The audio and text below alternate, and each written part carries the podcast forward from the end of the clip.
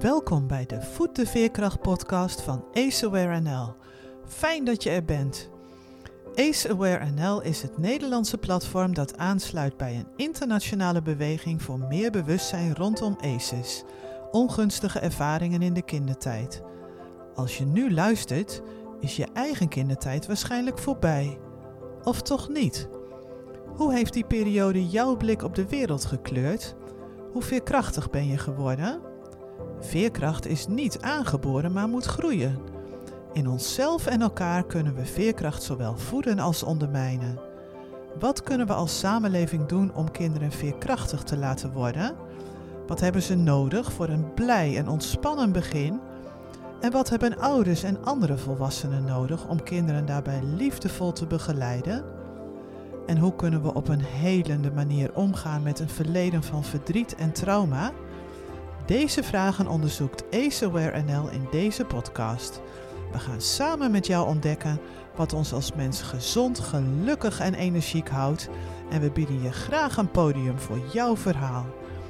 Deel je kennis en ervaring als professional of als ervaringsdeskundige met onze luisteraars en samen voeden we de veerkracht. Veel luisterplezier.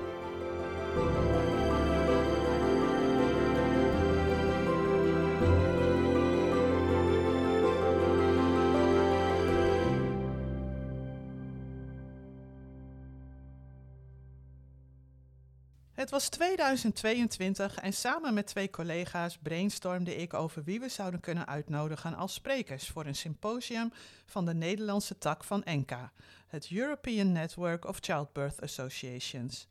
Een van de namen die opkwam was die van Nienke Stoop, holistisch arts en gespecialiseerd in de optimalisatie van gezondheid en vruchtbaarheid al voor de conceptie. Ze is bovendien auteur van het boek Levenskracht, jouw eerste duizend dagen in een nieuw licht. En dus leek ze bij uitstek een geschikte kandidaat om te spreken op het symposium over de transitie van angst naar vertrouwen in de perinatale fase.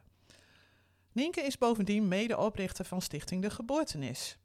Deze stichting richt zich op integrale geboortezorg, op het lichamelijk en geestelijk welzijn van moeder, kind, vader, partner, gezin en de geboortezorgprofessional. Iedereen dus die bij het prille begin betrokken is. Holistische zorg is de kern van wat Nienke doet en de zorg voor stellen met een langdurige kinderwens en onbegrepen onvruchtbaarheid is een van haar kernactiviteiten.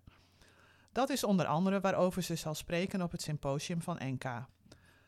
Toevallig, of misschien niet helemaal toevallig, zullen we ook allebei spreken zijn op het symposium van de geboortenis en bij een serie filmavonden binnenkort in het Flevo ziekenhuis. Bij al die bijeenkomsten zal het thema veerkracht centraal staan. Een thema dat ook in Nienkes werk met ouders heel belangrijk is. Daarbij spelen ook haar eigen ervaringen een belangrijke rol. Toen ze beviel van haar zoon en dat lieve mannetje te klein en te vroeg ter wereld kwam, begon ze zich serieuze vragen te stellen over wat de invloed was van haar werkomgeving als arts op de spoedeisende hulp. Hoe gezond was die omgeving eigenlijk? Ze had in haar studie veel geleerd over ziekte, maar wat wist ze in essentie over het behouden en herstellen van gezondheid? De komst van haar eerste kind leidde haar werk in een heel andere richting. Ze besloot de meest recente innovatieve inzichten van de westerse geneeskundige wereld te combineren met de oeroude kennis van onder andere de Chinese geneeskunde en om oosterse en spirituele wijsheid een veel prominentere rol te geven. Spiritualiteit als onderdeel van gezondheid, de heilzame invloed van stilte en je terugtrekken uit de drukte om weer in balans te komen en gezond te blijven. Het zijn allemaal aspecten die Nienke na aan het hart liggen. Het was dan ook prachtig om afgelopen mei aanwezig te zijn bij de opening van haar retraiteplek, waarbij we de eer hadden om met een klein maar fijn gezelschap de energie te ervaren van de Tibetaanse boeddhistische meester Tulku Lobsang Rinpoche, die het centrum officieel opende en inzegende. Het was een bijzondere middag die een prachtige basis heeft gelegd voor de plannen van Nienke. Alle reden dus om met Nienke in gesprek te gaan voor de Aceware NL podcast en te luisteren naar wat zij in haar werk tegenkomt als het gaat om veerkracht. Vandaag is Nienke bij mij thuis omdat ze in de buurt was en zitten we aan tafel in de woonkamer waar op de achtergrond de klok tikt. Welkom Nienke in de Voeten Veerkracht podcast van Aceware NL. Dankjewel Marianne, heel fijn om hier te zijn. Ja, supermooi. Het was prachtig in mei uh, die middag hè? Kan je er wat over vertellen en hoe het allemaal zo gekomen is met dat stiltecentrum? Ja, ja het was een ongelooflijk uh, bijzonder moment voor mij. Uh, Toekelopsang Rinpoche is al uh, heel veel jaren een van mijn leermeesters. het was een grote verrassing voor mij toen ik eigenlijk in een opwelling zijn organisatie vroeg van... Goh, is er misschien een kans dat hij zou kunnen komen? Dit was ook echt een uitzondering die ze gemaakt hebben. dus ik voel me heel erg gezegend daardoor. ik was een tijd betrokken bij zijn organisatie, ook toen hij net in Nederland kwam. Hmm. En um, ja, dus het stille midden, zo heet de plek. En het is ook echt een hele stille plek. Zeker, het was uh, zoeken om hem te vinden ook. Jullie waren allemaal als een soort speurtocht ja, ja, ja. Eh, zeker. op weg daar naartoe. Ja. Uh, onderdeel van de magie van de plek is dat heel veel mensen verdwalen om er te komen. En um, nou ja, daar staat het voor mij ook wel als symbool voor. Uh, dat het een plek is waar je, waar je jezelf terug kan vinden. En uh, in de stilte weer ja. echt bij je werkelijke zelf kan zijn. Maar het is ook mooi metaforisch wat je zegt van uh, dat mensen verdwalen voordat ze, dat ze aankomen bij het stille middag. Ja, dat, ja. dat verdwalen is ook wel een thema, denk ik. Hè? We hebben het er in ons voorgesprek net al even een beetje over gehad. Als het gaat om hoe ver zijn we met z'n allen verdwaald of afgedwaald van dat, dat ja, dat oude zoogdiergedrag, uh, wat ook voor mensen natuurlijk heel natuurlijk komt, eigenlijk, maar in deze cultuur vaak zo moeilijk is. Ja, we zijn denk ik verdwaald van, van heel veel aspecten. Hmm. Um, we zijn verdwaald van de aarde, we zijn verdwaald van onszelf, we zijn verdwaald van ons lichaam. Uh, we zijn niet meer gewend om in stilte te zijn. Hmm. Dus uh, ik ja, dat is de bijsluiter van als je in het stille midden verblijft. Dat, dat je geconfronteerd wordt eigenlijk ineens met, oh, wat als al die prikkels wegvallen? En um, uh, ja, wat, wat is er dan nog? Uh, wat gebeurt er als je geen internet hebt of als je mm. geen uh, afwasmachine hebt en mm. je met de hand mm. moet afwassen? -hmm. Um, die verdwaling van onszelf is voor mijn gevoel ook een hele belangrijke factor in de ongezondheid van onze samenleving. Ja. En, en in het ouderschap, waar wij natuurlijk samen ook ons heel hard voor maken. Van goh, hoe kunnen we een, een ja, liefdevolle wereld en een warm welkom ja. faciliteren voor nieuwe kinderen die geboren worden. Um, ja, hoe verdwaald ben je van jezelf op het moment dat je zwanger wordt of zwanger bent of bevalt? En hoe kunnen we in dat proces iets bijdragen waardoor een kind in ieder geval in het begin al stevig mag landen in, in dat bewustzijn. Ja. ja, en met iedere geboorte van een kind, zegt ze, dan worden er ook weer nieuwe ouders geboren. Hè? En daar, daar is natuurlijk ook vaak heel veel wat speelt. Een deel van wat jij doet is begeleiden als, als die, die zwangerschap zich niet aandient. Um, ja, ja als, ik, als ik met ouders werk die een langdurige kinderwens hebben, of met ouders werk, wat ik eigenlijk nog ja, meer wil aanmoedigen. Als je overweegt of voelt van nou, wij willen graag ouders worden. Um, neem dat serieus, die call. En kijk voor jezelf, wat heb ik nodig om een nieuw lichaam te gaan creëren? En daarmee bedoel ik niet alleen het nieuwe lichaam dat je creëert voor een kind dat hè, gaat groeien in jou, maar eigenlijk heb je als ouders ook een nieuw lichaam nodig. Je maakt letterlijk een, een groeispurt door als moeder natuurlijk in een zwangerschap, zowel fysiek en transformatief, uh, fysiologisch, maar ook echt psycho-emotioneel en spiritueel. Want je verandert van rol, dus je krijgt een andere uh, functie in het hele systeem. Ja. Ook hè, in systemisch gezien in, ja. in je Schuift de generatie op. En, uh, ja. Er wordt een, een, grootmoeder geboren, ook met dat er een moeder wordt geboren Zeker. en een grootvader. En, hè, dus, dus dat nieuwe lichaam dat gecreëerd wordt, dat is eigenlijk de essentie van waar ik mensen bij help. Um, om dat nieuwe lichaam te creëren. Ja.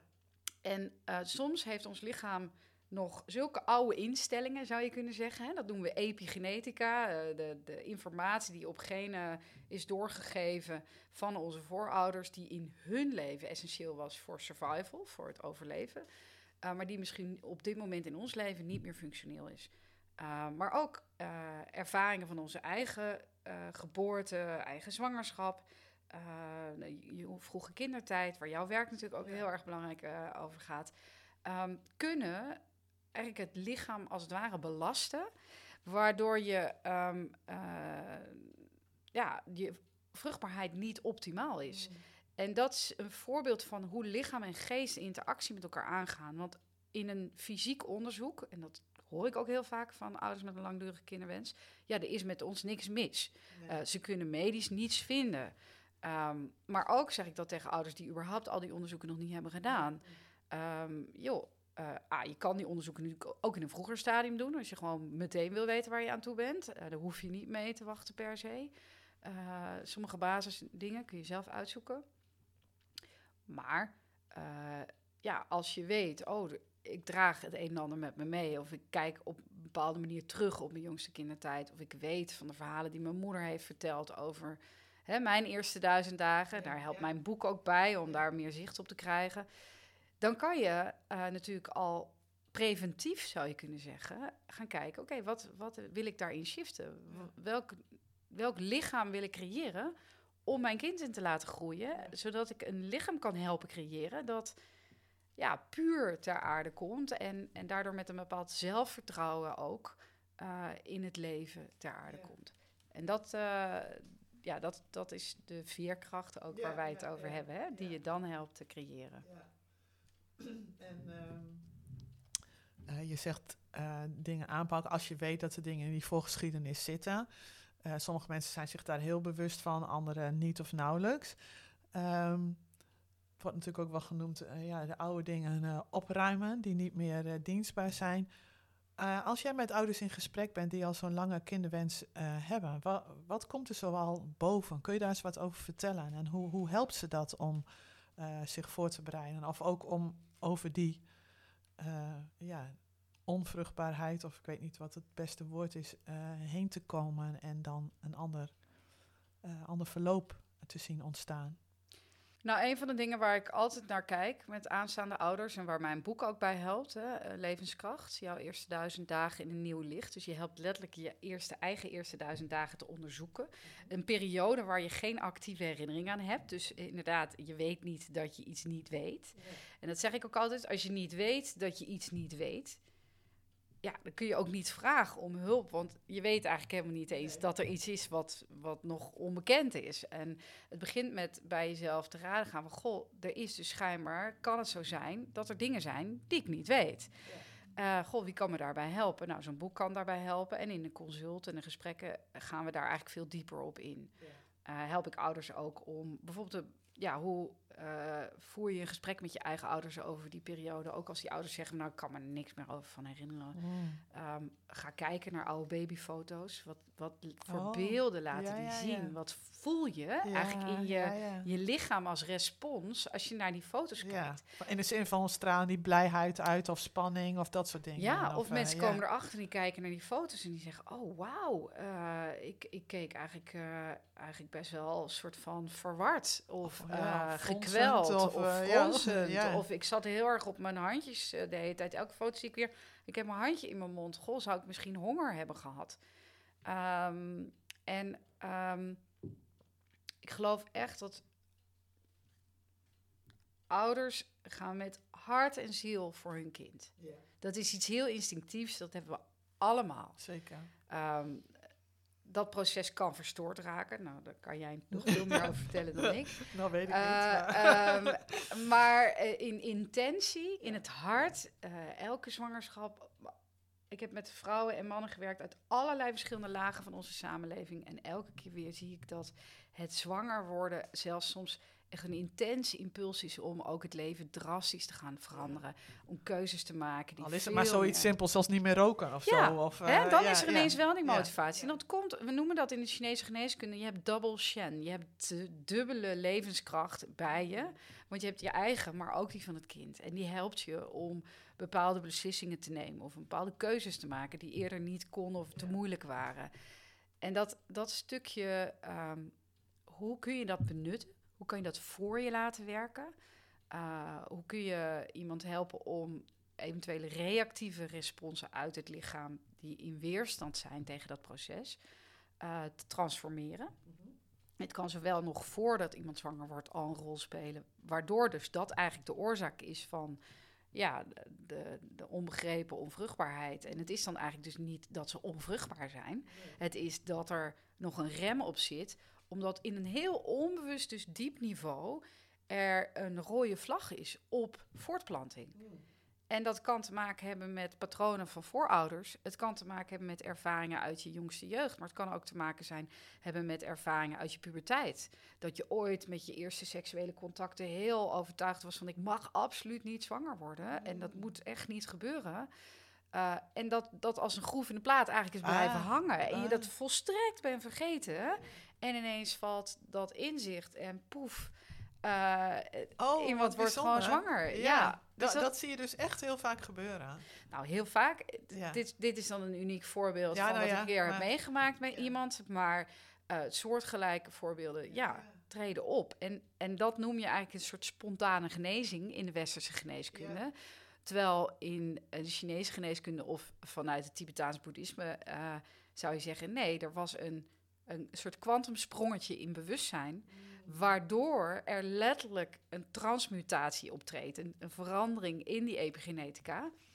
Uh, een oude programma valt weg, want het heeft zijn functie is kwijt, verloren. verloren. het heeft die functie niet meer. En het, het had het nodig dat het een bewuste uh, gedachtegang hè, aangekoppeld was. Of een, het is echt een inzicht. Uh, dus ja, je gaat als het ware door een deur en je kijkt om en de hele deur is weg. Oh, oh. ja, ja. Hè? Dus voordat je door de deur ging, was er echt iets waar je tegenaan liep en oh. waar je doorheen moest. En zodra je er doorheen bent, denk je, hè, was dit ooit een probleem? Oh, Hoe dan? Nou, dat noem ik een kwantumsprong. Dat is een transmutatiesprong. Ah. En, en dat soort processen, ja, daar ligt heel erg mijn hart. Dat vind ik magisch. Om, om, daar mensen in. En daarom noem ik het ook uh, een nieuw lichaam creëren. Want ja, dat is het dan ook echt. Het is een ander lichaam en daardoor dat nieuwe lichaam kan wel zwanger worden. Terwijl dat oude lichaam, nee, dat kon niet zwanger worden, want dat had daar echt een, een blokkade tegen. Oh, dat vind ik heel bijzonder. Ik, ik, ik was een beetje afgeleid terwijl je uh, aan het vertellen was, omdat ik me herinnerde dat als, uh, als het gaat over bijvoorbeeld ehm, meer spirituele ceremonies of psychedelische sessies, wordt vaak gezegd, de voorbereiding ernaartoe dan werkt het medicijn al. Dat proef ik een beetje in jouw woorden in de zin van de, de weg naar de geboorte van dat kind toe. Dan, dan is op een, een of andere manier energetisch dat kind al aanwezig, want die motiveert jou al om dingen te doen die je eerder niet voor elkaar kreeg of zo. Het is toch wel heel bijzonder hoe, hoe krachtig uh, dat is. Hè? Want jij zei ook van lichaam en geest hebben steeds die interactie. Ik ben ook nog steeds aan het zoeken naar woorden daarvoor. Want op het moment dat we interactie zeggen, hebben we toch nog over uh, twee eenheden. Terwijl ze dat natuurlijk niet zijn. Ik, ik heb er nog geen oplossing voor. Maar ja, Nee, ons taalgebruik is eigenlijk zo beïnvloed door het Descartianistische ja, dat denken. Dualiste, dat, door dat dualistische ja. denken, maar ook tussen, door de scheiding tussen lichaam en geest. En ik noem dat in mijn boek ook. We hebben een hele diep gewortelde mythe in onze samenleving dat we niet heel zijn, dat we afgescheiden zijn. Ehm, en um, nou ja, ik, ik denk ook dat dat soms zelfs letterlijk ook al vanaf heel vroeg in het leven bekrachtigd wordt doordat we heel snel de navelstreng doorknippen, oh, bijvoorbeeld. Um, omdat kind, navelstreng en placenta zijn één. Die zijn onafscheidelijk geweest, negen maanden lang. Met moeder. Met, nou ja, ja, als eenheid onafscheidelijk en verbonden aan de moeder. Maar um, die ook na als het kind geboren is en begint te ademen en zijn eigen circulatie in het lichaam krijgt, en daar eigenlijk de placenta en de navelstreng dus niet meer bij nodig heeft, dat is een transitie, dat is een overgangsperiode, die er ook toe leidt dat de placenta makkelijker los kan laten van de baarmoederwand en zelf geboren wordt. Als je dat proces zijn eigen tijd gunt, dan uh, heb je een lotusbevalling, dan worden baby, moeder en kind, of hoe noem je dat, uh, baby, placenta en navelstreng geboren. En dan zie je dus hoe dat één geheel is dan zie je ook bijvoorbeeld in de navelstreng dat dat helemaal stopt, die circulatie. Dus dat dat wit wordt. En de placenta een soort boomstructuur heeft met die bloedvaten erop. is prachtig om te zien. Ehm, in oude culturen, bijvoorbeeld Balinese culturen, zeggen ze dat de voorouders en eigenlijk noemen we dat in de westerse geneeskunde de epigenetica, die leven in die placenta. Die hebben hun energetische imprint in die placenta en die reizen mee met het kind gedurende de zwangerschap en de geboorte om hem veilig naar de overkant te brengen. En op het moment dat je dus veilig geland bent, dan laten ze los. Dan, hè, dan, dan, dan heeft het kind zijn voorouders en die connectie met die voorouderlijke wereld niet meer nodig, want het kan uh, het heeft een moeder, het krijgt moedermelk en het heeft dus dat stuk niet meer nodig. Als je zou wachten en je hebt geen, uh, geen tijdsdruk, uh, dan valt die navelstreng op een gegeven moment spontaan van de buik of de baby trekt hem er zelf af. ja, dat gebeurt. En, oh, ja. Nou, dat vind ik ook heel mooi, want dat is oh, een soort van, nou, ik ben er wel klaar, klaar voor, weet je. Maar dan heb je dus een hele zachte landing, dan heb je een hele zachte transitie en dan is er in dat kindje ook een imprint van heelheid van begin af aan. Um, en we zien dat ook terug in, in het gedrag van die baby's. Die voelen veel meer. Die eh, lotusbaby's. Uh, die lotusbaby's. Die ah. huilen minder, die zijn heel tevreden. Die, die hebben uh, ja, een soort natuurlijk zelfvertrouwen in het leven vanaf dat allereerste begin. Nou, dit soort tradities heb ik allemaal bestudeerd, omdat ik dat heel erg boeiend vond. Van goh, hoe, hoe, zit dat, hoe gaat dat in zijn werk? Waarom hebben in sommige landen dus we dat nog gewoon helemaal als traditie? Mhm. Zelfs bij een keizersnee wordt het gedaan, bij wijze van spreken. Uh, en hebben we dat hier in het Westen helemaal losgelaten. Maar dat, ja, dat haakt dus aan dat stuk van die, van die afscheiding. En wat jij ook in dat taalgebruik uh, zit het zelfs. Dus dat we daar geen vocabulaire voor hebben. Nee, dat, is heel moeilijk. En ook natuurlijk, hè, want ik hoor jij nou zeggen, die baby die huilt minder. Uh, daar zit ik zelf met, uh, met uh, borstvoedingstaalgebruik ook altijd een beetje op als lactatiekundige. Zeggen, die borstgevoede baby's zijn gezonder. En eigenlijk zouden we dat ook allemaal moeten omdraaien natuurlijk. En zeggen van die kinderen bij wie de, het laat, laat knippen of delayed cord clamping, dat is natuurlijk eigenlijk niet delayed. Nee. Het andere is premature cord clamping. en die kinderen die geen borstvoeding krijgen, die hebben meer ziektebeelden. Die borstvoedingsbaby's zijn niet gezonder. Dus ook daarin zit natuurlijk een heel moeilijk en subtiel iets wat heel veel zegt over onze cultuur. Van hoe kijken we daarnaar? Wat is de norm? Waar vergelijk je mee? Ja, en is natuurlijk denk ik ook, uh, daar ben ik zelf ook heel voorzichtig in, uh, in onze maatschappij. Uh, hè, je noemt dat de borstvoedingsmafia of ja, weet ik veel wat. Ik ben, um, ik ben echt, de, de, de Lotus, ik geloof dat iemand wel eens gezegd heeft dat ik gek ben dat ik baby's met een rauwe biefstuk in bed wil laten liggen. Oh, omdat een Lotus baby. En dan denk ik, nou, oh volgens mij moet je even komen kijken hoe dat eruit ziet en wat dat inhoudt. want, want dat ziet er echt heel anders uit. Het is een heel ander proces. Um, we hebben het nodig, denk ik, dat we inspirerende voorbeelden krijgen en, en uh, dat we erover praten, zoals nu in deze podcast, zodat mensen uh, zich daarin kunnen gaan verdiepen en mee kunnen gaan verbinden. En niet vanuit een, uh, een schuldprincipe van je doet het niet goed als je dit niet doet of zo, maar veel meer vanuit een openheid van goh, hoe zou het zijn? Dat vraag ik ouders ook altijd, zelfs nog voordat ze zwanger zijn. Wat voor ouder wil jij straks zijn? Wat voor uh, nest wil jij je kind bieden? Mm -hmm. um, wil je bouwen dus En welk nest wil je bouwen? Ook energetisch, hè? Want je noemde er net al van, goh, eh, dat kind is dus in spirit eigenlijk al aanwezig. Ja, dat is voor onze cultuur heel vaag begrip. Dat is een beetje woe-woe, uh, zullen we maar zeggen. Maar we weten allemaal wat die spirit is. Want als je ooit hebt meegemaakt dat je uh, iemand hebt zien overlijden... of dat je na iemands overlijden nog bent gekomen om afscheid te nemen er is een daadwerkelijk verschil tussen die persoon voordat hij overleed en daarna. Ja, en ook dat nog kun je zien, dat kun je de eerste tien minuten of het eerste half uur na het overlijden en nog een dag langer of ja, zo. Hè, maar niet iedereen heeft dat mee mogen maken. maar dat.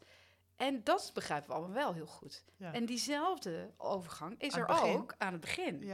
En die begint dus eigenlijk ook al rondom de conceptie. Of ergens, hè, we kunnen dat niet pinpointen, want we zitten er niet naast, zoals bij zo'n sterfgeval.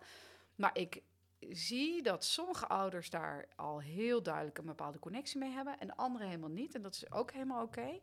Ehm, maar het besef daarvan, van oh, ik kan daarop intunen en dat heeft ook een. Daarmee bouw ik al aan de band. Daarmee heb ik al impact op het vertrouwen dat een baby heeft in ik ben welkom. Nog voordat überhaupt de zwangerschap begonnen is. En gedurende de zwangerschap natuurlijk ook. Want zodra je dan zwanger bent, kijk je ook op een hele andere manier naar die zwangerschap of naar de connectie met je kind. En ik begeleid de zwangere Als vrouwen dan zwanger worden, begeleid ik ze ook in de zwangerschap. En werken we aan, goh, hoe kun je connectie opbouwen? Uh, hoe kun je uh, met elkaar uh, een verbinding hebben? En afgelopen half jaar had ik een zwangere cliënte, die was zwanger van een drieling. En zelfs zij, dat was heel mooi, had op een gegeven moment echt... Zij wist uh, wie wie was. Oh, echt? Ja. En ze wist wie waar lag. Oh ja. En uh, ze wist ook de kenmerken van... Oh, fantastisch. Hoe de kindjes verschillend reageren. En het was zo mooi om te zien ook dat... Uh, ik, ik geloof echt oprecht dat door de begeleiding en haar... en vooral haar eigen insteek daarin... en het feit dat ze die begeleiding zocht... en, en hoe ze daar zich in heeft weten te uh, handhaven. Dat ze heeft echt. Nou, het is natuurlijk mega zwaar, zwanger van een drieling. Want je bent twintig weken zwanger en je loopt er al bij alsof je bijna uitgerekend bent. Um, en ze heeft dat zo fenomenaal gedaan. Maar die kindjes zijn ook eigenlijk heel gezond en vitaal geboren. Dus dat, de, het ziekenhuis was oprecht uh, ja, een soort van, goh, wat gaat het goed met jullie? En dan heb je dus weer zo van, de aanname was al van, nou, dit oh ja, wordt dit natuurlijk zal wel horror en een drama ja. en toestand. Is ze vaginaal bevallen of? Uh, dat, dat, weet ik niet. Ik heb oh, haar sinds recent okay. bevallen, dus we moeten elkaar nog spreken daarover. Maar um, ik, ik, ja, ik denk eigenlijk het niet dat het ook bijna niet kon, ook door de ligging van de kindjes. Um, maar uh, ja, dat, dat de aanname al is van oh, het wordt allemaal heel moeilijk. En dat dan eigenlijk uh, iemand zich zo goed. Uh, en dat het zo goed gaat met die babytjes. En ze groeiden zo goed. Ja, dus het kan. En dat is denk ik ook de boodschap die we brengen, uh, die we ook willen brengen met de geboortenis, is er is zoveel meer mogelijk. En het is de bedoeling dat jij je goed voelt tijdens een zwangerschap. Het is de bedoeling, zeg ik ook tegen vrouwen, dat jij je normaal voelt tijdens een menstruatie. Het is niet de bedoeling dat je minimaal één dag met krampen op de bank ligt of hele heftige vloeisels hebt en al dat soort dingen. Dus dan als er het, iets niet goed. Als het niet zo is, dan mogen we met elkaar daarnaar gaan kijken. En, en dan mag je daarin geholpen worden. Dan, dan volstaat het niet om een ibuprofen te nemen of iets dergelijks dan, dan is het een nee, uitnodiging. Vorm van namming eigenlijk, hè? Van verdoven en wegmaken en niet aankijken. Ja, en, er is heel veel onwetendheid. En niet vanuit desinteresse of vanuit uh, het, het, het wegcijferen van of het belangrijk is of niet. Maar gewoon omdat het ook deels niet in de opleiding zit. Dus is een hiaat in kennis. Dat noem ik ook wel de elephant in the room. Mhm. Uh, we mogen met elkaar nog veel meer nederigheid betrachten op het thema van wat weten we eigenlijk allemaal en wat weten we allemaal nog helemaal niet. En mogen we nieuwsgierig zijn naar datgene wat we niet weten? Of mogen we zelfs nieuwsgierig zijn op het principe dat er heel veel is waarvan we nog niet weten dat we het niet weten. En er daardoor geen vragen over stellen. En dan kijken, oké, wat als het uh, ja, wat als we met die klachten wel iets zouden doen of daar hulp bij zouden zoeken?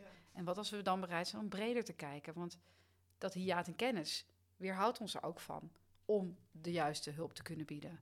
Als je als huisarts een beperkte hoeveelheid kennis hebt, ja, dan houdt het op een gegeven moment op wat je iemand kan bieden. Ja, en dat is natuurlijk uh, moeilijk. Ik heb uh, in mijn uh, these voor mijn studie het concept authoritative knowledge ook uh, gebruikt. Uh, Robbie Davis Floyd, jou ongetwijfeld ook wel bekend, die heeft daar een, een, een geëdite bundel gemaakt met een heleboel auteurs. En het idee van authoritative knowledge is dat um, bepaalde kennis meer zeggingskracht heeft dan andere. En dat daar allerlei machtscomponenten een rol in spelen. En dat het niet per se gaat over of die kennis waar of juist is, dus er wordt natuurlijk vaak gezegd, uh, kennis is macht. Maar het uitgangspunt daarin is, het omgekeerde is ook waar. Macht is kennis. dus wie meer macht heeft, krijgt zijn, zijn uh, kennis of zijn quasi-kennis uh, beter geaccepteerd in de samenleving omdat hij er meer power achter kan zetten door allerlei sociaal kapitaal of economisch kapitaal of symbolisch kapitaal in de woorden van de socioloog Bourdieu. wat heb je allemaal in te brengen om te pushen uh, wat, uh, wat kennis is. En eh, vanuit de historie weten we natuurlijk dat vrouwen zo lang. ja, als jij met dit soort dingen bezig bent, dan zou je een paar eeuwen geleden natuurlijk als heks misschien ergens terechtgekomen zijn of zo. Op een brandstapel of weet ik waar. maar die vrouwelijke kennis, die staat toch nog wel vaak heel erg onder druk. Want dat, dat weten van zo'n moeder, wat jij nu vertelt, van wat gebeurt er in mij, ja, dat kan zij alleen maar weten natuurlijk. Er is niemand anders eigenlijk die dat... Ja, en daar kan ze ook over in verwarring worden gebracht. Uh, Ja. En ook eh, de- wat jij benoemt, dat noem ik de collectieve witte jassenhypnose. Eh, we- Collectieve witte jassenhypnose. Oké, ja, ja. We, we hebben eh, ja, sociaal gezien, hè, eh, denk ik in Nederland, een cultuur van oudsher... waarin de dokter echt heel veel aanzien had. En als je dus als arts die witte jas draagt, Ja, wordt er sowieso al anders op jou gereageerd. Er wordt Ja. ook anders naar je geluisterd. Ehm, en dat geldt ook voor de verloskundige. Eh, de, de, de zwangere zal veel sneller iets van een verloskundige aannemen. Eh, hè, een, een advies of een, een, al zelfs een suggestie van... goh, misschien moet je dit of dit eens proberen. Dan is de kans veel groter dat ze dat gaat onderzoeken en gaat doen... dan als dat van de buurvrouw komt. En ehm, dus de, de, Wat het dus heel belangrijk maakt wat deze mensen zeggen. Ja, Ja, en wat het dus ook heel belangrijk maakt, dat we als artsen bereid zijn om dus nederig te zijn naar alles wat we nog niet weten.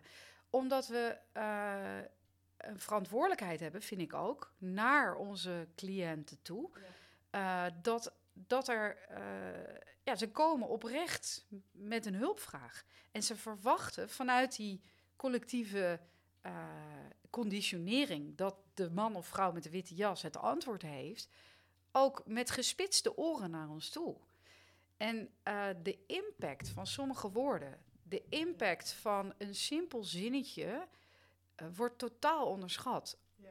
Als jij eh, eh, als stel een langdurig kinderwens hebt en je laat aanvullend onderzoek doen door het ziekenhuis en de zaadkwaliteit wordt beoordeeld en je moet er achteraan bellen om een antwoord te krijgen en vervolgens krijg je via de telefoon te horen van goh, nou die zaadkwaliteit is nog maar 11%. Oh, en by the way, je kan eigenlijk waarschijnlijk alleen nog maar zwanger worden als je ICSI of IVF doet. En eh, ja, nee, we weten eigenlijk niet wat je zelf verder hieraan kan doen. Eh, oh, trouwens, ik moet verder, want mijn spreekuur gaat zo beginnen. Dat is natuurlijk krankzinnig Ja, je een Dat is een atoombom los, in je, zo'n, laat je een eh, soort van ja. atoombom op iemand los, eh, die, die thuis achter een telefoon zit en niets vermoedend gebeld heeft even naar een uitslag. In plaats van dat de tegenwoordigheid van geest is van wacht even, dit is eigenlijk, oh wacht, wat staat hier eigenlijk echt?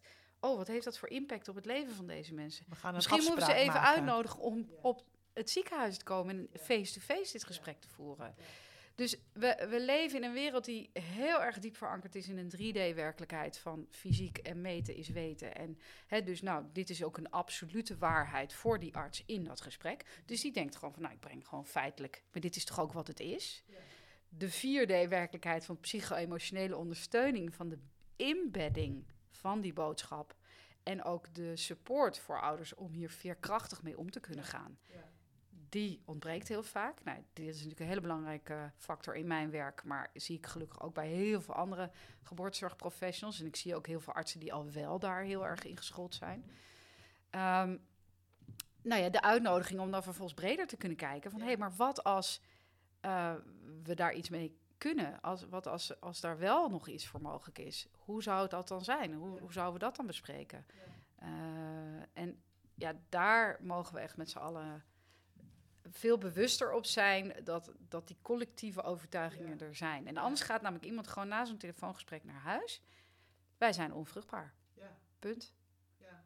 Ja. En, en dat, dat, dat, Dat is dat gaat dan heel statisch worden. Hè? Ja, dat wordt een alles werkelijkheid. Want ja. dat wordt dan de imprint in het fysieke lijf. En het lichaam gelooft dat dan ook. Met alle stress die dat geeft en die dat natuurlijk, waar- die het lichaam ook allemaal weer opslaat.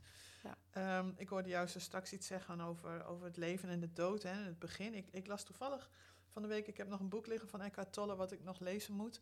Maar ik las dat hij ook zei, eh, het tegenovergestelde van eh, de dood is niet het leven. Tegenovergestelde van de dood is de geboorte. En het leven gaat altijd door.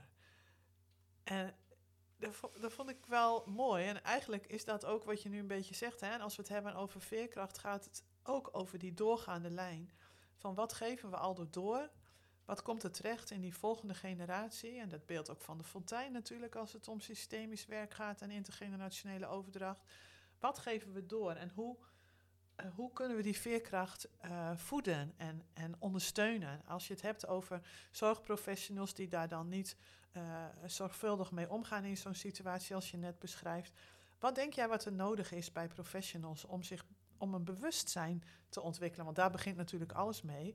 Van hé, hey, dit, dit, dit werkt niet goed uit op mensen. Hoe zouden we dat anders kunnen doen? Wat is daarvoor nodig? Ja, ik denk nieuwsgierigheid. Ja, mooi. Als we niet nieuwsgierig zijn, dan, dan gaan we ons ergens niet mee verbinden. En nieuwsgierigheid is ook heel veilig. Want die professional, daar hadden we het net in ons voorgesprek ook over, moet zich ook veilig voelen. Ja, het kan zelfs zijn dat als je dit nu luistert, dat je een, een reactie voelt opkomen in je lijf. Of een bepaalde verontwaardiging. Of, uh, of, of letterlijk uh, dat je hart sneller gaat kloppen. Of dat je denkt, ja, maar hè, dat ja, dus iets in, in beweging komt. En, ja, weet je wel hoe weinig tijd ik heb? Weet je wel hoe druk het is? Weet je wel hoe duur het allemaal is? En enzovoort, enzovoort. En dat is eigenlijk als je als het lukt om in dat moment toch te blijven luisteren nu. En eigenlijk een, beetje achterover te leunen en een keer heel diep in en uit te ademen en jezelf zachtjes te vertellen: oké, wat als ik hier nieuwsgierig naar zou zijn? Wat als ik nieuwsgierig zou zijn naar deze viscerale respons? Want dat is het echt. Het is een, een respons uit het lijf zelf. Ja, wat wil die me eigenlijk vertellen? Wat wil dat zenuwstelsel mij nu vertellen? Want het zenuwstelsel heeft je zojuist verteld dat je niet veilig bent. Dat er een aanval gaande is op jou. En, en en wat maakt dat je dat zo voelt? En wat maakt dat je dat zo voelt? Maar wat maakt ook dat we daar liefdevol naar kunnen zijn? Want er is dus ooit iets in je leven gebeurd waardoor dit de werkelijkheid is geworden. En dit ook met hand en tand verdedigd moet worden. Want anders, nou wat, komt je overleving onder druk dus, te staan. Dus, En dat is een, een werkelijkheid die misschien al heel lang geleden is ontstaan. Of transgenerationeel is ontstaan.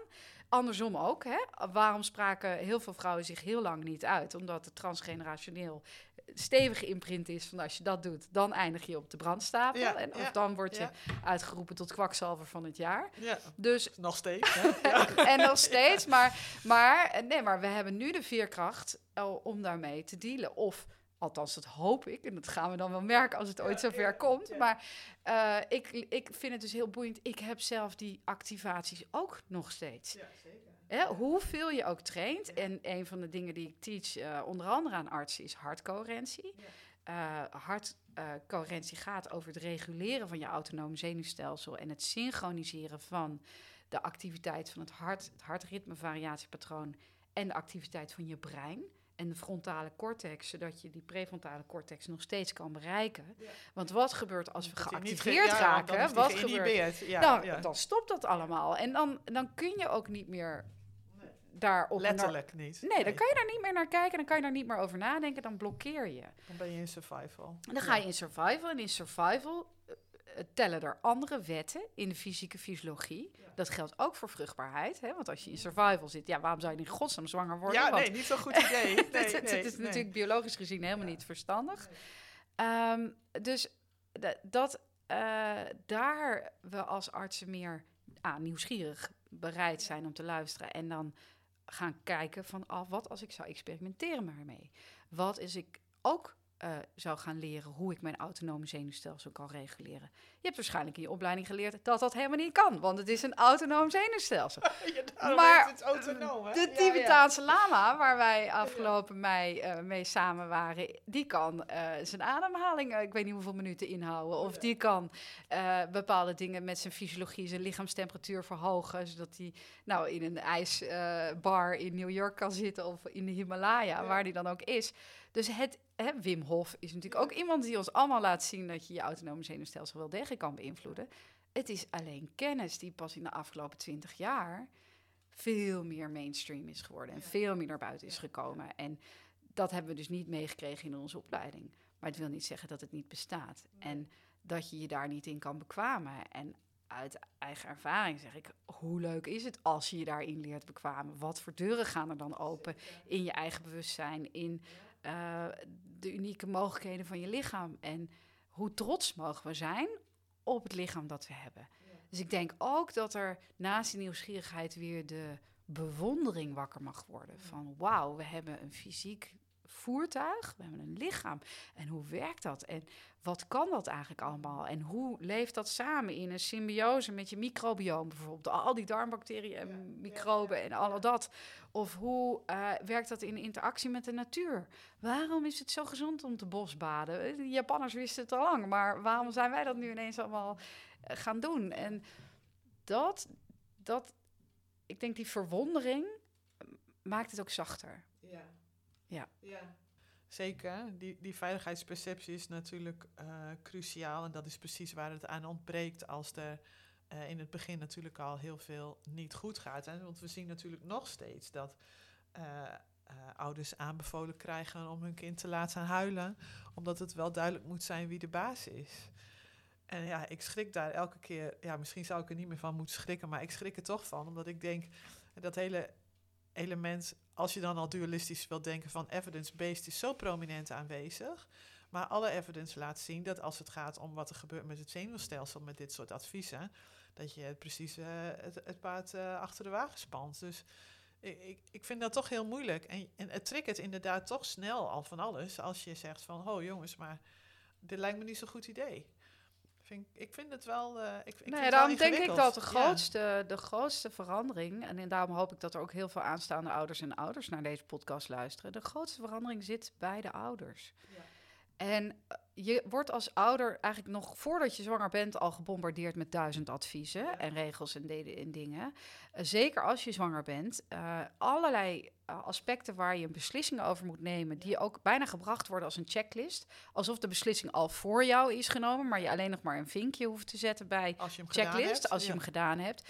Terwijl ik wil je uitnodigen om echt voor jezelf uh, te voelen van wat wil ik, wat vind ik belangrijk? En waar wil ik me over laten informeren? En door welke bronnen. Um, maar ook uh, door contact te maken met je baby, ook in de zwangerschap al, van hoe voelt het, hoe gaat het met mijn kind, hoe voelt mijn kind, uh, wat zegt mijn eigen intuïtie. maar ook zeker daarna, als ze geboren zijn, kijk naar je kind en wat laat het kind zien. Toen ik nog op spoedeisende hulp werkte en met uh, uh, natuurlijk, hè, dat is de eerste hulp, kom je, komen mensen binnen. Als ouders binnenkwamen met een kind, uh, maakte mij niet uit wat de foto liet zien, wat het lab liet zien. Ik keek altijd vooral naar die ouders ook. Van, en wat denken jullie? Wat voelen jullie? Ja. Ik heb één keer zelfs letterlijk gehad dat de moeder bleef onrustig. Die moeder bleef bezorgd kijken. Die moeder was gewoon niet happy. Al liet de foto zien van nee, er is niks aan de hand. En toen heb ik het kind teruggestuurd. Heb ik twee nieuwe foto's laten maken vanuit een hele andere richting. Mm. En het ging ook om de nek van het kindje. Dus het was ook echt heel cruciaal dat we het echt goed zouden ja. zien. En toen bleek op die nieuwe foto's dat er dus wel een wervel was gebroken. Oh. En dan denk ik, wauw, als we toen niet hadden geluisterd ja. naar het gevoel van die moeder... Ja. dan hadden we misschien die nekkraag al weggehaald... en hadden we dat kind, weet je, bloot kunnen stellen aan een veel groter ongeluk... Terwijl de moeder dus eigenlijk heel adequaat had gehandeld. En meteen had gevoeld van er is iets echt helemaal mis Helemaal hier. mis, ja. Op dus, basis van subtiele signalen die het kind had Ja, en ook op basis ja. van de voorgeschiedenis van het kind... en wat we wisten over de ja. aandoening die het kind al had. Oh, dus al. waardoor het ook een hoger risico had op dit soort problemen. Maar um, het, uh, dat zal ik nooit vergeten. En dat wil ik ouders ook echt meegeven. Van jouw intuïtie telt, jouw gevoel telt. Ja dat, ja, dat is heel mooi. En tegelijkertijd weten we natuurlijk ook dat hoe meer pijn, vroegkindelijk trauma en, en pijn uit die vroege levensfase mensen meedragen, hoe verder ze vaak verwijderd zijn geraakt natuurlijk van de vaardigheid om te luisteren naar wat die intuïtie Ja, maar dan ga je uh, twijfelen, zegt. hè? Want, Ja. want hoe Ja. weet jij dat het intuïtie is en niet een traumarespons? Precies. Want die trigger, die voelt ook als intuïtie. Ja, En ehm, dat is een van de dingen waar ik dus met mensen ook heel erg aan werk. Van hoe kan je leren onderscheid te maken tussen wat is een emotionele reactie, die eigenlijk meer een triggerreactie is, een, een activatie van het zenuwstelsel, en wat is intuïtie? En hoe kun je het verschil leren voelen? En Ka- waarbij, Karel zegt dan, eh, intuïtie is een diep en rustig weten. En triggerrespons is, of sterke emoties, die geven ook veel fysieke Ja. eh, onrust. Ja. ja. Klopt. Hoewel eh, een diepe intuïtie kan ook gepaard gaan met een fysieke respons, zoals een vlinder in je buik of, hè, of een even een. Oeh, gevoel. Dus het is, het is altijd Het is wederom moeilijk, die ja. combi, maar dat, dat stille weten en dat het blijft. Dat is denk ik, dat is ook een heel belangrijk kenmerk. Dus terwijl paniek komt en gaat, uh, gaat in vlagen. En het diepere weten is een, is een eerste fluistering en kan soms steeds luider worden, maar kan soms ook een fluistering blijven. En daarom is het zo belangrijk dat we als samenleving ook weer meer waarde gaan hechten aan dus dat verstillen. Ja, en zodat je die fluistering je kan luisteren, kunt horen. Zodat je het kan horen, ja. zodat er niet al die afleiding is. En we hadden het er net in ons voorgesprek over, ook over eigenlijk de, de, de kennis buiten jezelf leggen. Hè? Eh, we noemen dat in, in vaktermen extern attribueren, maar dat je dus ja, de, de waarheid buiten jezelf legt of het antwoord van buitenaf moet komen. Uh, nou, vanuit de computer of vanuit een, een iemand met een dokter. een hooggeleerde ja, dokter of een, nou, of een andere expert. Of, um, en, en terwijl de hoe vaker we de hand, hè, het, uh, ja, de macht eigenlijk uit handen geven. Zeg maar, ja, jij bent de dokter, jij zal het wel weten. Uh, het is heel goed om te vertrouwen op de dokter, om, om daarin in samenwerking mee te zijn. Uh, hè, maar als we alles uit handen geven, ja, dan is ook de kans veel groter dat we uiteindelijk overweldigd worden door de, door de gebeurtenis die dan vervolgens plaatsvindt. Omdat we geen regie meer hebben. Nee, en dat heeft natuurlijk ook toch iets te maken met die, die ja, wat dan wel wordt genoemd ook in de psychologie, die aangeleerde hulpeloosheid. Hè? Die, die ontstaat ook in die vroege fase als een kind merkt, ik doe mijn best om te laten weten dat ik iets nodig heb, maar mijn behoefte wordt niet gehoord en die wordt niet beantwoord en die wordt niet bevredigd. Dus ja, ik, ik weet het ook niet meer. En dan, uh, dan dat een kind dan de moed opgeeft en dat dat dan geduid wordt als dit kind is nu uh, rustig en, en stil. En uh, dat zijn natuurlijk culturele factoren waar, waarvan ik wel eens denk. Ik zie dat ook op fora wel eens voorbij komen of in, in ouders, oude plekken van ja, maar doe gewoon wat je voelt dat goed is. Maar als je altijd maar te horen hebt gekregen, je moet je kind gewoon laten huilen en wordt vanzelf stil ja, hoe, hoe kan je dan hoe, weten hoe weet je dan nog is, wat goed is? En, ja. en, uh, of, of voelt dat dan als rebels gedrag? Uh, wat misschien weer appelleert aan andere trauma. Dus het is best een Nou ja, de kans is ook dat je, ja. dat je dan in dat tegenovergestelde schiet, inderdaad. En heel erg in de rebellie of heel erg op je strepen gaat staan of heel erg dingen gaat eisen. Ja. Ik ben een van de docenten van de opleiding Relax Bevallen vanuit Regie, de Academy. Dat is een initiatief van Elaine van Wilde. Trouwens ook een leuke voor jouw podcast, okay, ik. goed. Uh, maar zij uh, heeft als missie dat ze wil weer veel meer dat vrouwen echt hun eigen autonome regie voelen in de zwangerschap en rondom de bevalling en het jongouderschap. Waarmee we met z'n allen ook uh, zachtere geboortes kunnen faciliteren. Alleen uh, ja, weer leren hoe pak ik de regie op een manier die ook aansluit bij het geboorteveld. Hè, die ook veilig voelt voor geboorteprofessionals. Uh, die ook realistisch is. Want uh, veel zwangere vrouwen weten eigenlijk helemaal niet wat ze kunnen verwachten. Uh, maar er worden ook aannames gedaan over wat ze moeten verwachten, die juist tegenovergestelde effect hebben.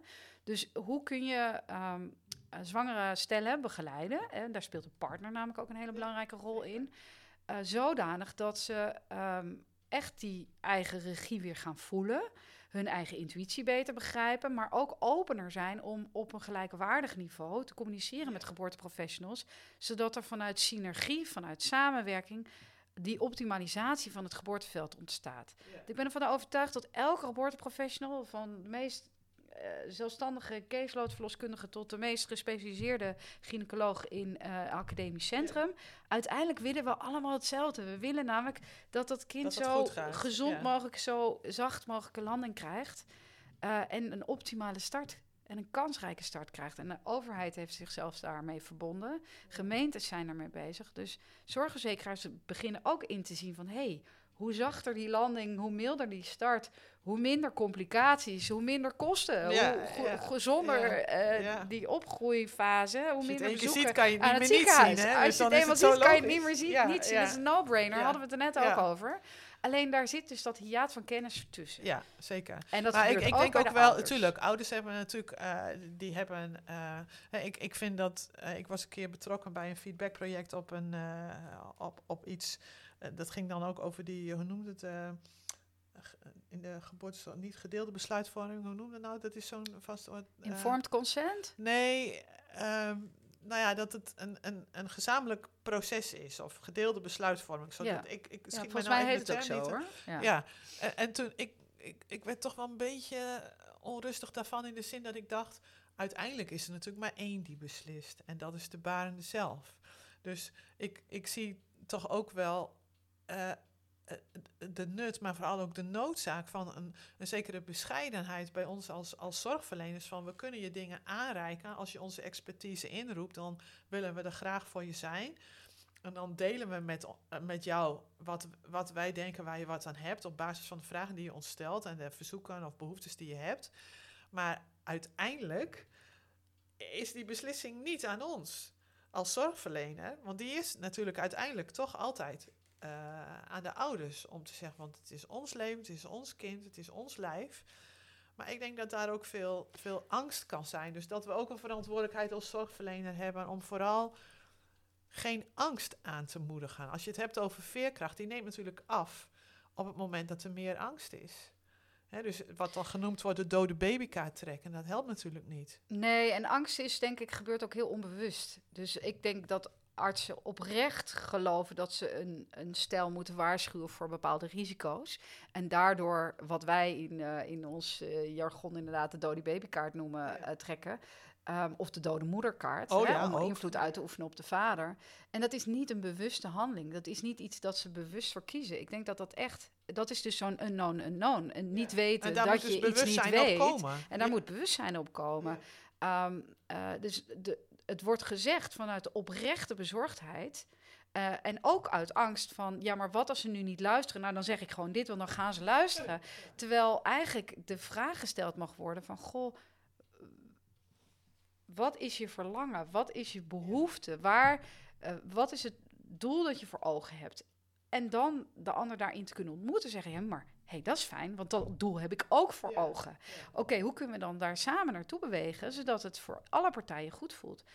In mij zit nog steeds ook ergens een heel klein stukje EHBO-arts die denkt, ja, hoor eens even, eh, jij mag alles beslissen. Nee, als het om leven of dood gaat, als het eh, ABC-regel is en ik heb maar 10 minuten, dan beslis ik even voor jou. Want dan ben ik daar ook endorsed voor, want ik ben dan ook op dat Ja. moment eh, de, de spoedeisende hulparts bij maar dan hebben we het Maar dan hebben we het echt over hele extreme situatie. situaties. Ja. En dat is natuurlijk heel vaak niet aan de orde. En dat is Nee. heel vaak niet aan de orde. Dus daar hoef ik me bijna, nou, godzijdank op dit moment eigenlijk nooit meer op te beroepen.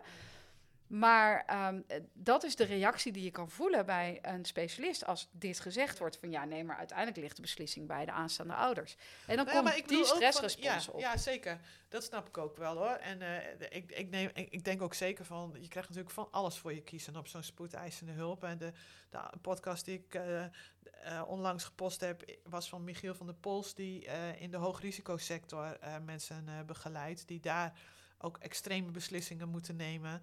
Eh, het leger, eh, de brandweer, eh, ambulance diensten, politie. waar natuurlijk ook echt acute fysieke onveiligheid ontstaat. En dan moet je inderdaad, net als wanneer je je kind bij de arm grijpt en zegt... Ja, je mag niet, niet de naar de straat kachel." oversteken of niet aan de kachel inderdaad. Ja. Dat, dan is dat natuurlijk ook goed. Maar ik, ik denk ook dat we geneigd zijn, zolang we nog niet ons bewust zijn van hoeveel pijn en angst er nog in onszelf leeft, dan geven we ook meer angst door. Absoluut. Dus als het gaat om professionals, wat, wat kunnen die doen om de veerkracht bij ouders te eh, versterken? Eh, ook daar geldt, zet eerst je eigen, eigen zuurstofmasker op. Ga eerst kijken van welke er versterking heeft in er mij? in mij eigenlijk. Ja. Ja. wat vindt Ja. er in mij plaats? En hoeveel angst komt er nu bij mij op? En hoe, hoe gegrond is die? En hoe, hoezeer is die gerelateerd aan al, al- alles wat ik nog niet aangekeken eh, heb? En dus in die zin vind ik het prachtig. Wij spreken allebei eh, op het symposium. eh, eh, ehm, nee, ik spreek op het symposium van de geboortenis. Ja. Jij spreekt op het symposium van Enka. En samen zullen we aanwezig zijn bij die serie filmavonden in het Flevo ziekenhuis. Waarvan de eerste eh 6 september al is. Hè? Dus Ja. dat is al snel. Die zul jij begeleiden hè? met de film In Utero. Prachtig initiatief, of niet? Heel ja, mooi. fantastisch. Het is Ja. echt zo mooi dat dat gelukt is. En het... eh, Yvonne van der Tas is de drijvende kracht hierachter. Dat mag wel even genoemd ja, worden. dat mag zeker Ja. genoemd worden. En, eh, en ook eh, dat het Flevo ziekenhuis nou, toch bereid is geweest om hierin mee te werken. En ook de sponsoring die ze gekregen heeft voor dit project. Ja. Ehm, eh, de filmavonden zijn gratis, dus mensen kunnen, iedereen kan daar naartoe komen. er zijn honderd plekken, de vol is vol.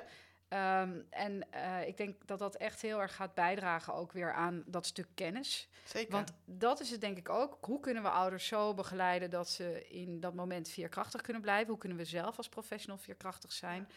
als je je echt verbindt met de fysiologie van geboorte, als je dat proces echt gaat begrijpen, zoals het in de natuurlijke zin plaatsvindt, mhm. ongestoord, ongehinderd, on, uh, privacy, veiligheid, alles. Dus echt veilig, en niet extern veilig, maar echt diep van binnen veilig. Dan kan je als professional bijna volledig je handen op je rug houden.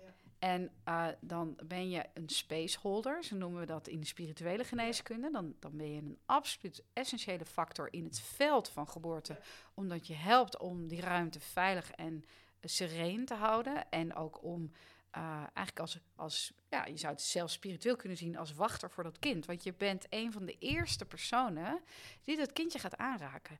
En dat is ook iets wat we helemaal niet zo realiseren. Van hé, hey, uh, welke imprint, letterlijk en figuurlijk. Welke informatie ga ik overdragen in dat moment van aanraking, in dat moment van ontmoeten?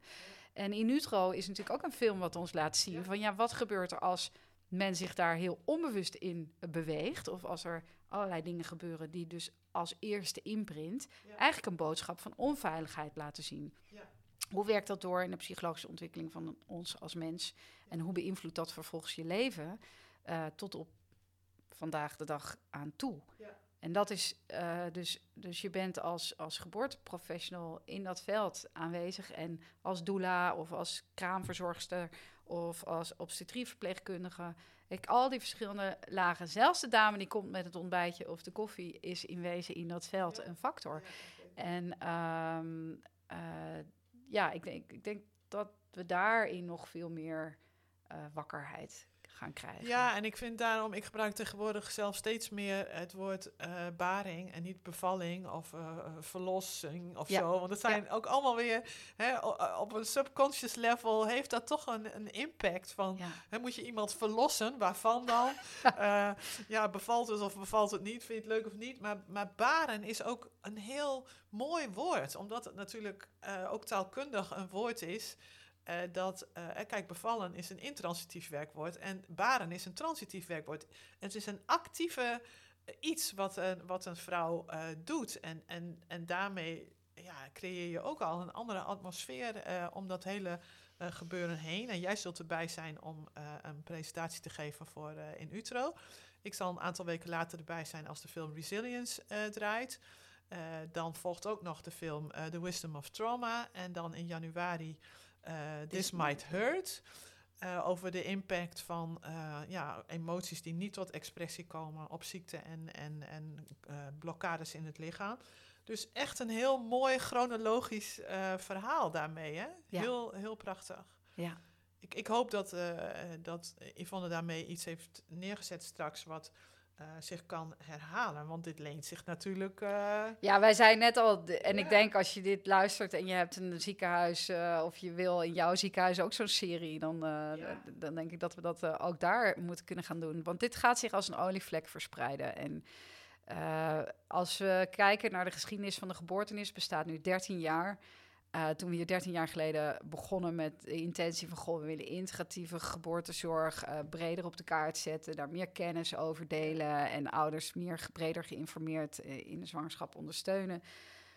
was eigenlijk heel weinig andere partijen die daarmee bezig waren. Heel weinig over bekend. En als we dan nu zien hoeveel verschillende partijen zich bezighouden met dit onderwerp... en nou ja, ook, ook zeggen laten zien van hé, hey, wacht, als we het hebben volksgezondheid breed, als we het hebben Zeker. sociologisch over de kracht van een samenleving, veerkracht binnen een samenleving. Hè? Hoe, hoe, hoe veerkrachtig kunnen wij als samenleving omgaan met tegenslagen of met problemen? Uh, nou ja, hoe vroeger we daarin beginnen. Ja, en, en, nog een stap verder van hoeveel problemen uh, laten we ontstaan ook. Hè? ik bedoel, met een andere attitude, als je dingen anders inricht, ontstaan er misschien ook minder problemen. Hè? Dus, en die er dan wel ontstaan, dan kan je dan beter mee omgaan. Dus het ja. is nog.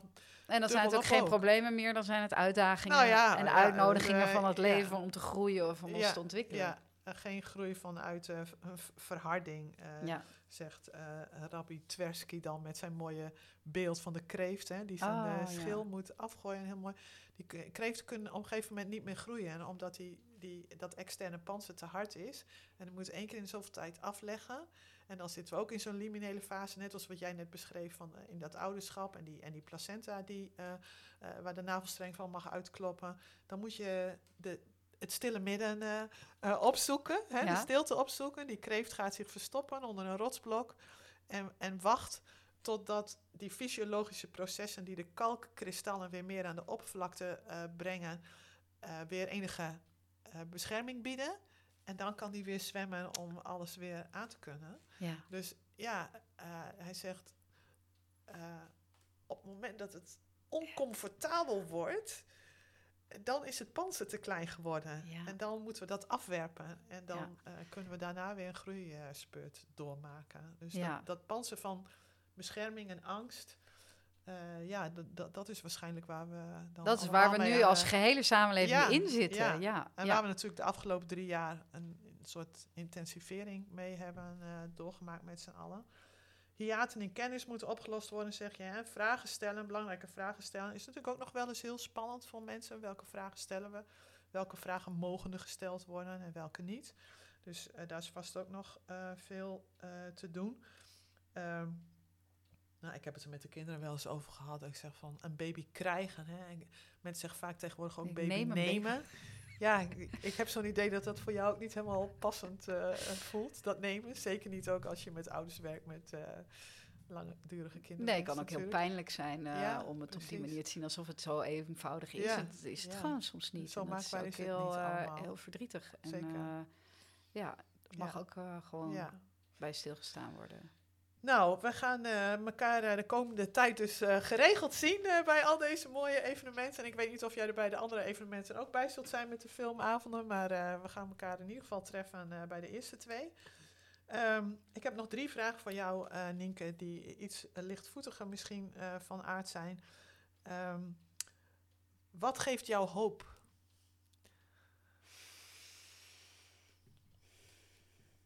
Adem. Adem. Ja, als ik heel eerlijk ben, als ik mijn eigen eh, duistere dagen of demonen heb, dan is het de ademhaling die me Ah. helpt. En eh, het besef dat we, dat we altijd eh, ja, weer een keer diep in en uit kunnen ademen. Mm. terug kunnen keren naar de stilte. Mhm. En van daaruit elke keer weer een nieuwe stap kunnen zetten. Ja, mooi. Daar heb je niks voor nodig, hè? Dat kan je gewoon doen. Ja, ja. Het Soms is niet altijd je- makkelijk. nee, nee, nee, Nee, nee, maar- Niet alles wat simpel is, is makkelijk. maar, eh, Oké, ehm, sommige mensen hebben er een, andere niet. Maar eh, wat staat er nummer 1 op jouw bucketlist?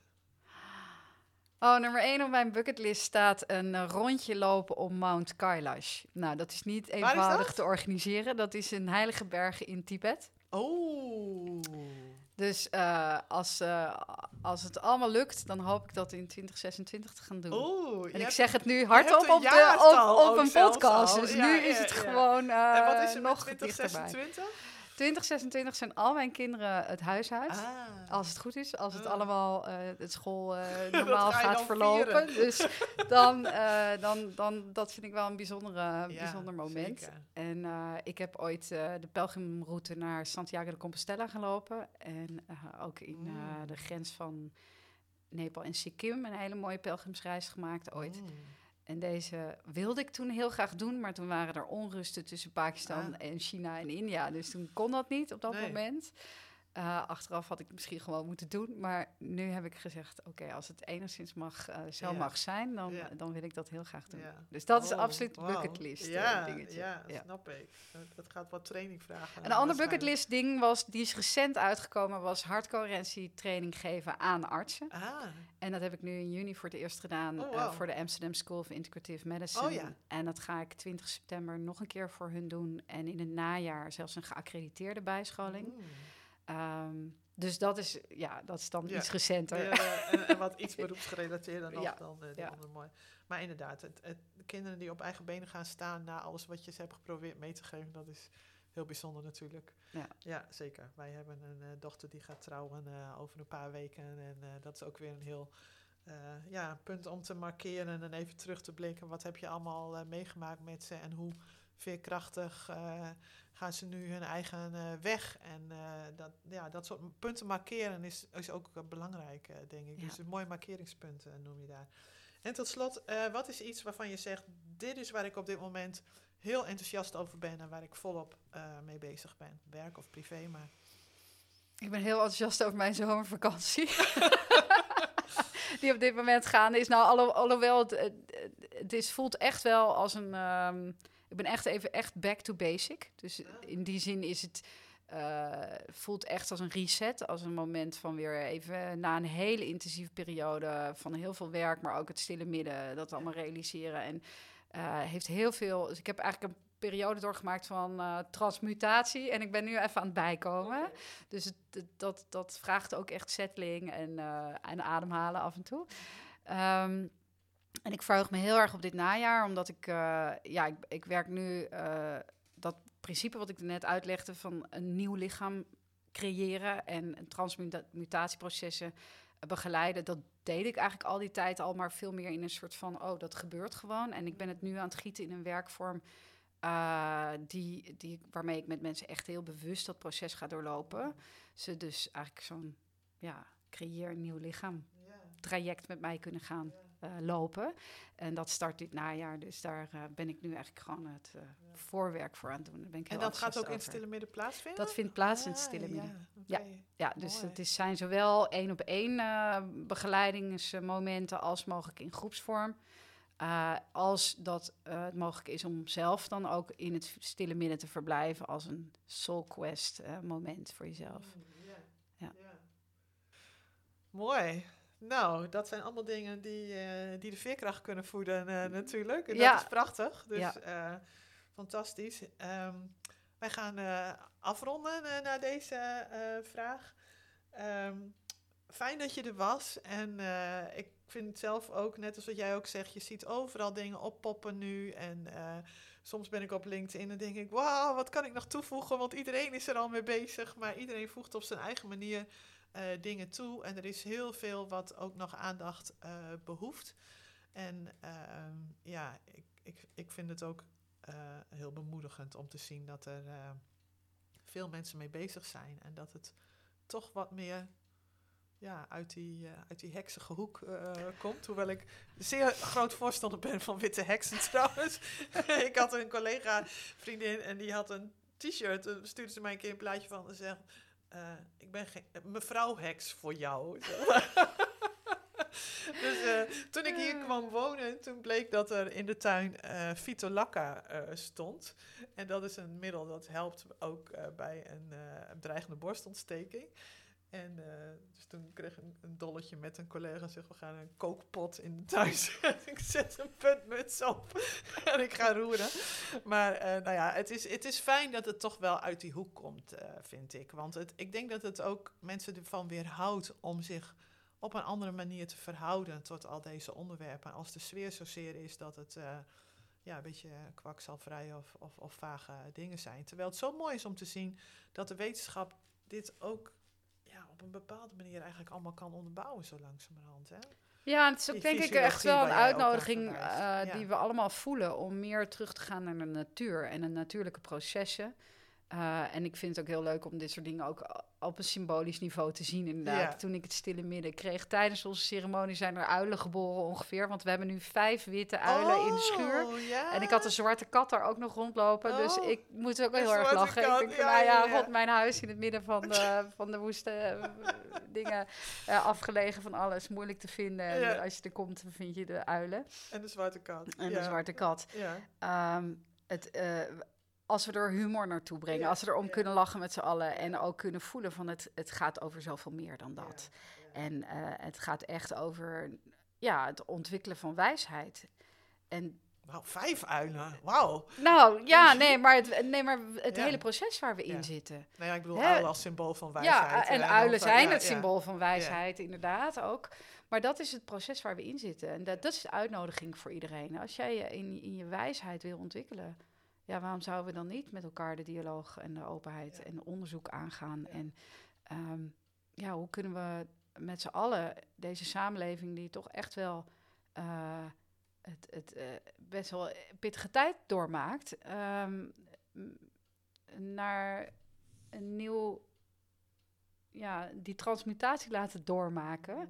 naar een nieuw bewustzijn, waarin er echte kennis van het natuurlijke fysiologie uh, nog dieper doorgrond is, gerealiseerd wordt.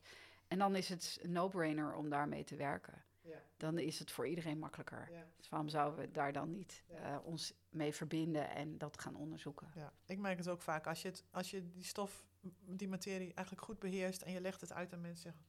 Oh, dat klinkt wel logisch. Waarom heb ik dat nog niet eerder gehoord? Zeg, ja, dat weet ik ook niet. Maar dat is het mooie, dat het eigenlijk ook intuïtief heel logisch voelt als je die basis daarvan uh, kunt uitleggen.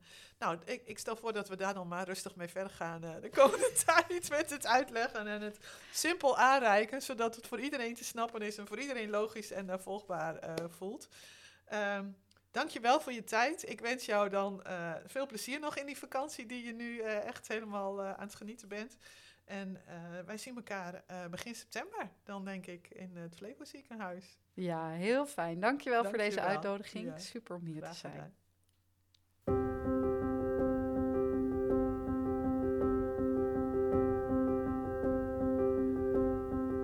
Dit was een aflevering van de Voet de Veerkracht podcast van Ace Aware NL. Heb je inspiratie opgedaan? Dat is prachtig dan ga je die vast en zeker inzetten om in je eigen omgeving en doelgroep de veerkracht te voeden. En misschien doe je dat zelfs al op een bijzondere wijze. Dan horen we graag van je en ben je van harte welkom als gast in onze podcast. Heb je genoten? Abonneer je dan en schrijf een review. Daarmee ondersteun je het doel van ACE Aware NL, namelijk meer bewustzijn creëren rondom ACEs, Adverse Childhood Experiences. Ook jij hebt talenten om op je eigen unieke manier de wereld een beetje mooier te maken en bij te dragen aan awesome childhood experiences. Een veilige kindertijd met bufferende bescherming tegen stress is de basis van een gezonde, rechtvaardige samenleving. En wil je daar meer over lezen? Duik dan eens in onze blogserie op www.aceaware.nl. Daar vind je de indrukwekkende verhalen van ervaringsdeskundigen en professionals en boekbesprekingen voor meer theoretische achtergrond. Wil je een training afspreken of in een consult je eigen ontdekkingsreis aangaan? Neem gerust contact op zodat we samen een plan kunnen maken. We hopen dat je er de volgende aflevering weer bij bent.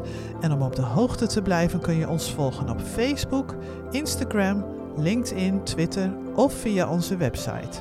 Een mooie dag gewenst en voed de veerkracht!